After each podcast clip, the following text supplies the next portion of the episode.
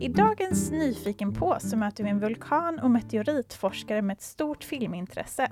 Han reser ofta till Island och är bland annat expert på vulkanen Surtsey som uppstod ur havet för drygt 50 år sedan. Ja, och i våras fick han ta emot ett prestigefullt pris, Sixten Heymans pris 2013. Och det var för betydelsefulla insatser inom geologin och geofysikens område. Och det är ett pris som bara delas ut var tredje år. Varannan gång så går det till en svensk skönlitterär författare och varannan gång till en svensk naturvetare. Vi säger välkommen till Erik Sturkell. Du är ju vulkanexpert kan man säga och expert på meteoriter. Eh, du har varit på Island mycket som vi berättade i början och eh, Surtsey heter ju en liten ö där. Berätta mer om den. Vad var det som hände för drygt 50 år sedan? För 50 år sedan då började ett utbrott ske på havsbotten. Det var 120-130 meters vattendjup där. Och den 14 november 1963 då kom material upp över havsytan och en ny ö började bildas. Och den här eh, utbrottet höll på från och till lite grann fram till 1967. Mm. Men det höll på så länge så att det blev så stor ön. Den är eh, nästan en kubikkilometer i volym och det gjorde att den hade en chans att eh, bevaras, att den inte eroderades bort av de kraftiga nordatlantiska vågorna. Mm. Är det vanligt att det bildas öar på det sättet?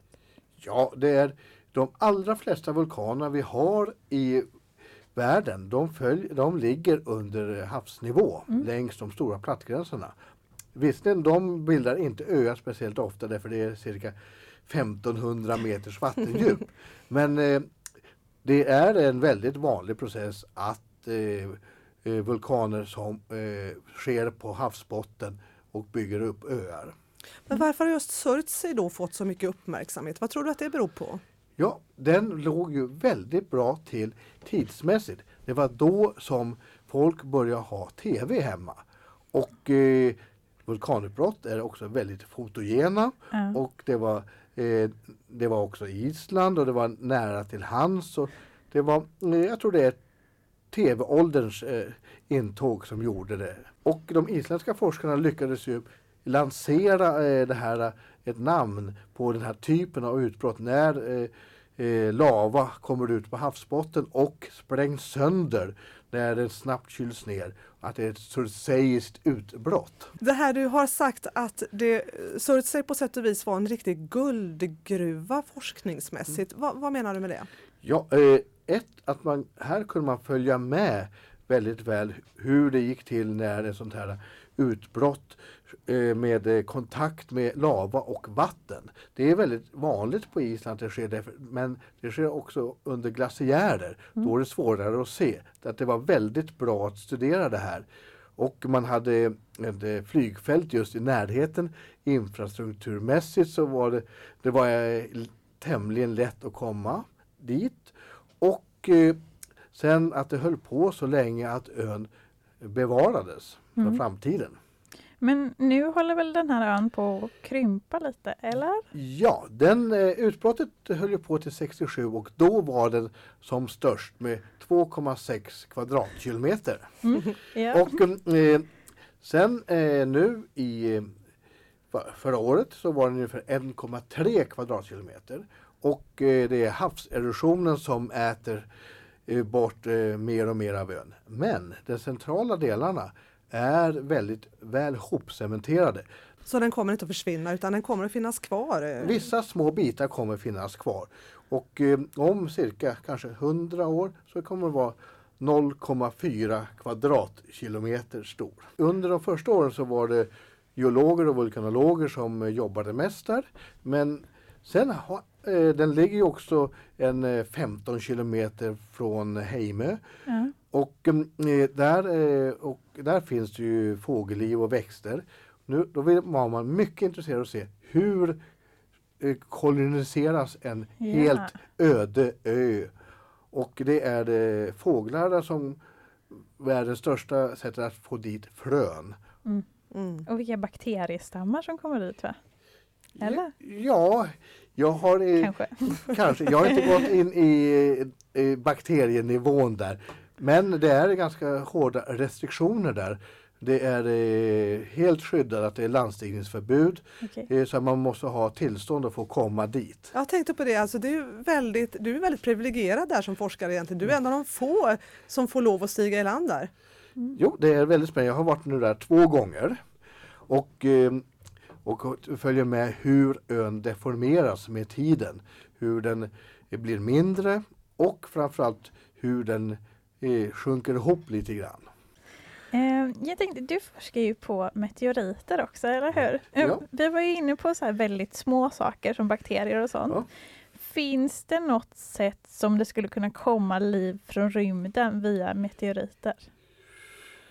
Det har spekulerats en hel Ja. del av detta.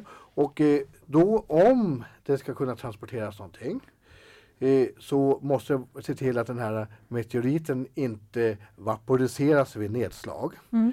Så att det får inte vara för stora. Vaporisera som betyder förångas. Eh, så att, eh, och då har man funderat en hel del på kometer också Mm. som är eh, smutsiga isklumpar som en möjlig källa. Men jag har inte gett mig in på den biten. Jag tittar mer på effekten av lite större meteoriter som slår ner. Ja, och de är för stora för att ha med sig någonting. I, na, eh, de är inte för stora Nej. men det, det är den här liksom delen landningen som är väldigt eh, besvärande. Eftersom när en meteorit, större meteorit träffar jorden så sker en explosion. Mm. Det är så mycket energi som ska frigöras på en så kort tid på så litet område. Och det är därför som kratrar blir runda. Nyligen så var du faktiskt inkallad eh, från massmedia och kommentera för vi hade meteoriter för inte så länge sedan. Jo, då när eh, en eh, nedfall skedde i Ryssland.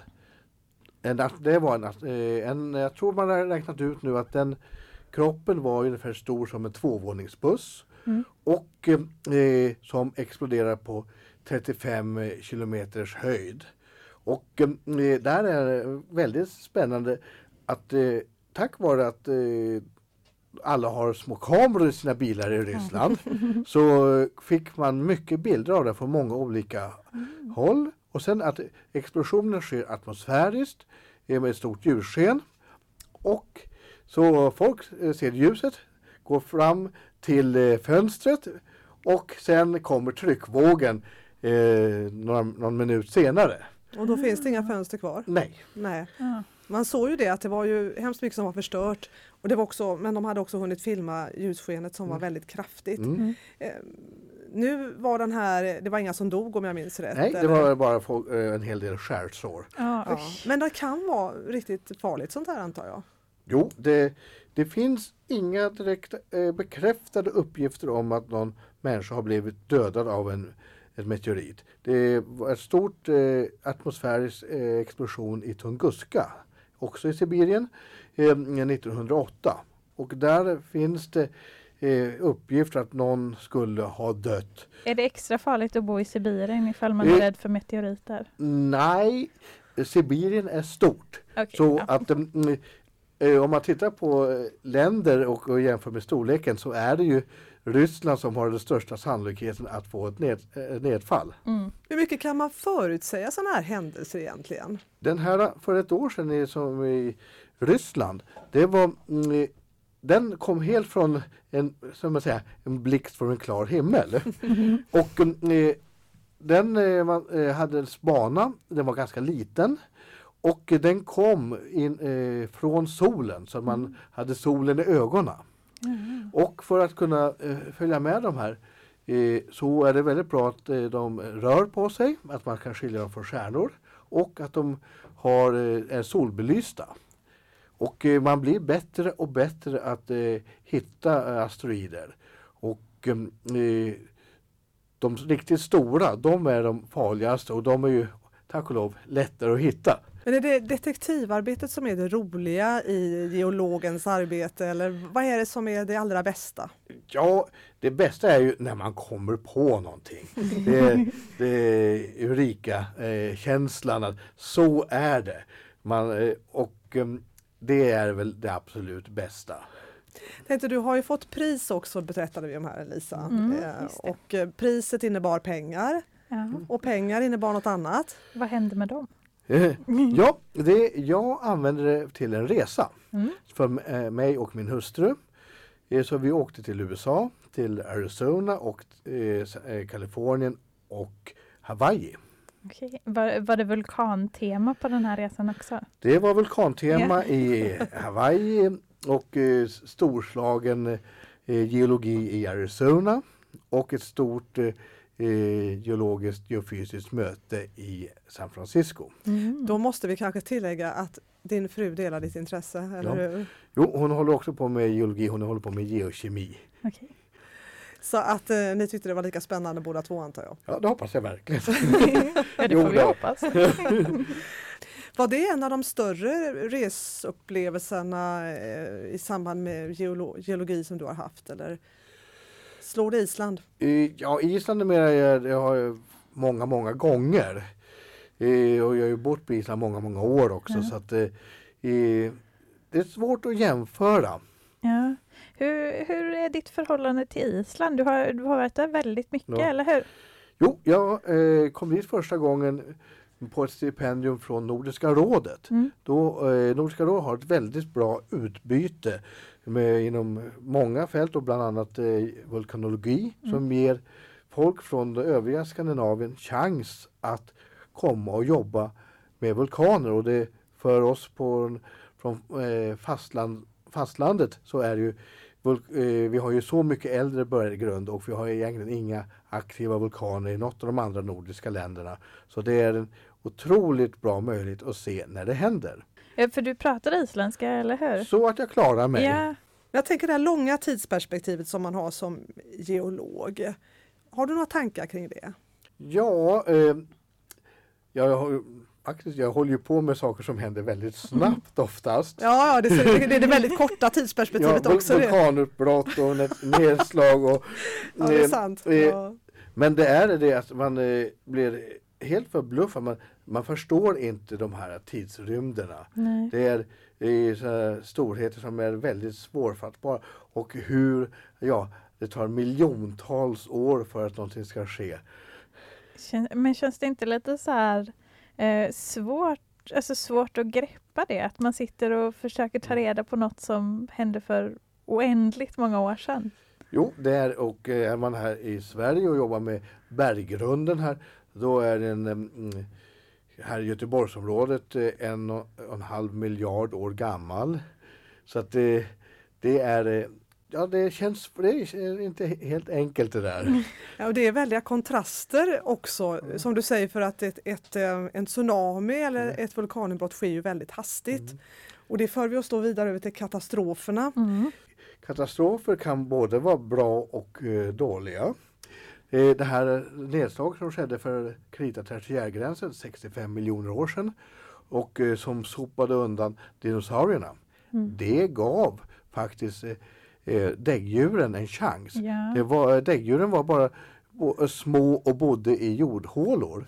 Så att eh, mm, utan den där katastrofen hade inte vi varit till. Nej, vi hade inte stått här idag om eh, dinosaurierna inte hade dött ut, eller Mm. hur? Just det. Så att katastrofer det ger eh, utvecklingen eh, nya riktningar, helt slumpmässigt ja, ibland. Ehm, när man tänker på ehm, just vulkanutbrott och sådär, finns det någon möjlighet att kunna förutse vad som ska hända? Vulkaner har man eh, lite bättre chans med därför när eh, smält berg, magma, eh, rör sig i skorpan då gör den det inte alltid helt obemärkt. Eh, marken lyfter upp sig, det kan, en magmakammare kan fyllas så att man blåser upp en ballong där nere så att det lyfter så det rör sig utåt. När den rör sig så blir det jordskalv Mm. Eh, och eh, sen kan det bli förändringar i, i vattencirkulation så vissa källor försvinner, vissa kommer till, vatten börjar få annan temperatur. Det kan vara gaser som är kol, kolsyra då framförallt som kommer in i vattnet. Så att det finns många små tecken eh, som mm, hjälper att eh, kunna evakuera folk. Mm. Och det är de, i- om vi tittar på Indonesien och Filippinerna, är de tämligen bra på att följa med sina vulkaner Mm. och eh, evakuera folk. Indonesien och, där är ett väldigt bra exempel att vulkaner är väldigt bra. Därför eh, vulkaniskt material ofta är mycket näringsrikt. Mm. Och är det fuktigt och varmt då blir dessa näringsämnen väldigt snabbt urlakade ur den vulkaniska material och det, marken blir extremt bördig. Jag vet inte hur många skördar man kan ta in per år i Indonesien. Kanske tre. Mm.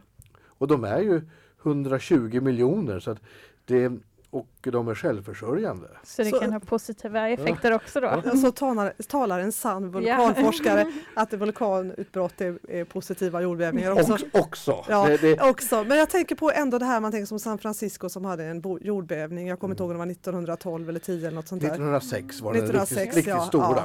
ja. Och ändå så bygger man vidare och man bygger bostäder och man vet att det kommer att hända igen. Man vet att Tokyo är ett annat område som är utsatt. Det finns storstäder Mm. som är kan man bygga bostäder som man klarar sig? Kan man skydda? Amerikaner och eh, mm, japaner och chilenare är väldigt duktiga på att bygga eh, hus som håller. Mm. Och där, är också, där följer man byggreglerna. I vissa andra länder har man eh, bra regler men man eh, följer dem inte helt och hållet. Men så att det går. Mm. Jag tänker på, nu pratar vi om lite skräckscenarier och Mm, sådär och det verkligen. brukar man ju ofta ha i filmerna tänker Ja. jag då.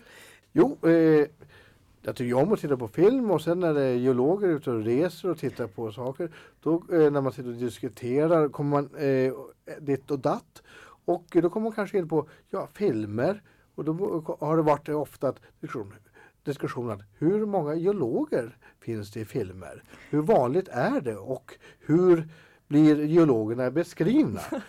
Så att eh, jag och några kollegor eh, bestämde oss nu ska vi faktiskt göra någonting åt det och, och försöka undersöka det här på ett vetenskapligt sätt. Vad spännande. Hur gjorde ni då? Eh, Ja, naturligtvis, vi visste ju en del filmer Mm.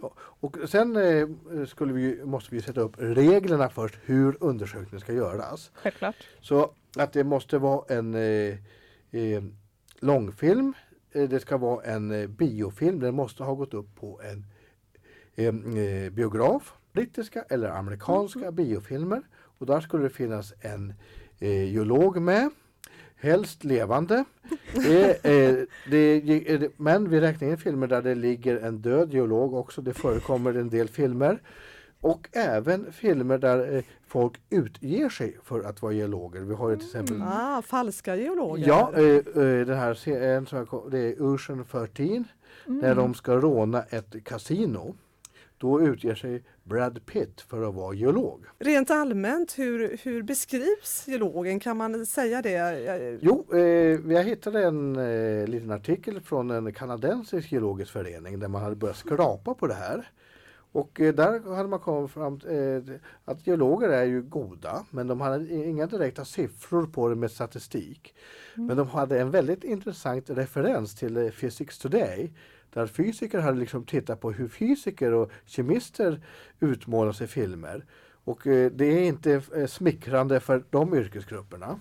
Men geologer är, vi har kommit fram, vi har undersökt eh, 60 filmer har vi hittat hittills. Och eh, där är det för i 85% av fallen är geologerna goda. Ganska många huvudrollsinnehavare Mm. som är geologer eh, och den film vi tycker bäst om eh, som, är, som vi har, vi har sett att en, den här filmen Dantes Peak är den filmen som är den bästa geologfilmen. Mm. Och där finns det ju där Pierce Brosnan, eh, hjälten, geologen.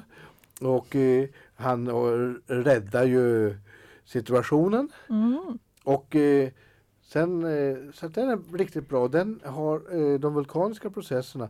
De är eh, korrekta, lite överdrivna för att göra det mer filmiskt. Sen har man också eh, tagit massa, eh, flera olika vulkaniska processer som händer vid olika vulkaner, typer av vulkanutbrott och slagit ihop bara för att höja Mm. eh, underhållningsfaktorn.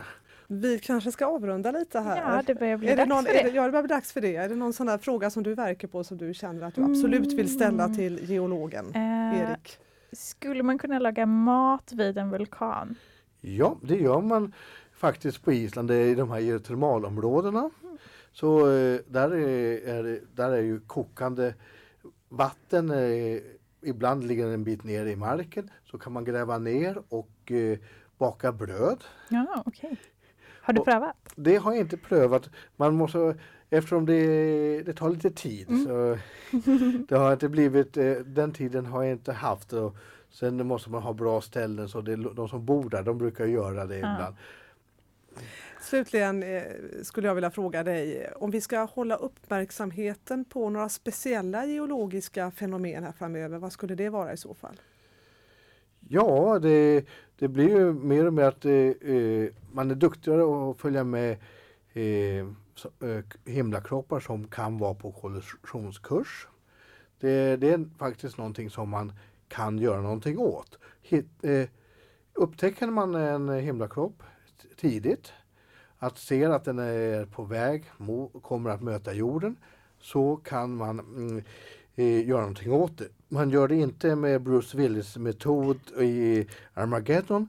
Det finns eh, enklare sätt än att eh, spränga den. Att spränga den är inte helt bra för då kommer massa fragment som man inte riktigt vet var de tar vägen. Så att, ser man den långt bort, att den är långt bort, då räcker det att ändra dess kurs med bara någon grad. Då kommer den missa. Och Eh, så man kan skicka upp då en eh, farkost som antingen eh, knuffar till den lite grann eller lägger sig bredvid och, med hjälp av sin gravitation får den ur kurs. Så att det finns många bra idéer där och det finns metoder och ju tidigare man upptäcker dem ju mindre behöver man ändra dess bana. Mm. Vi får säga tack till dig Erik Sturkell för att du har ökat vårt vetande och ville komma hit till Nyfiken på. Ja. Mm. Tack så Tack så mycket.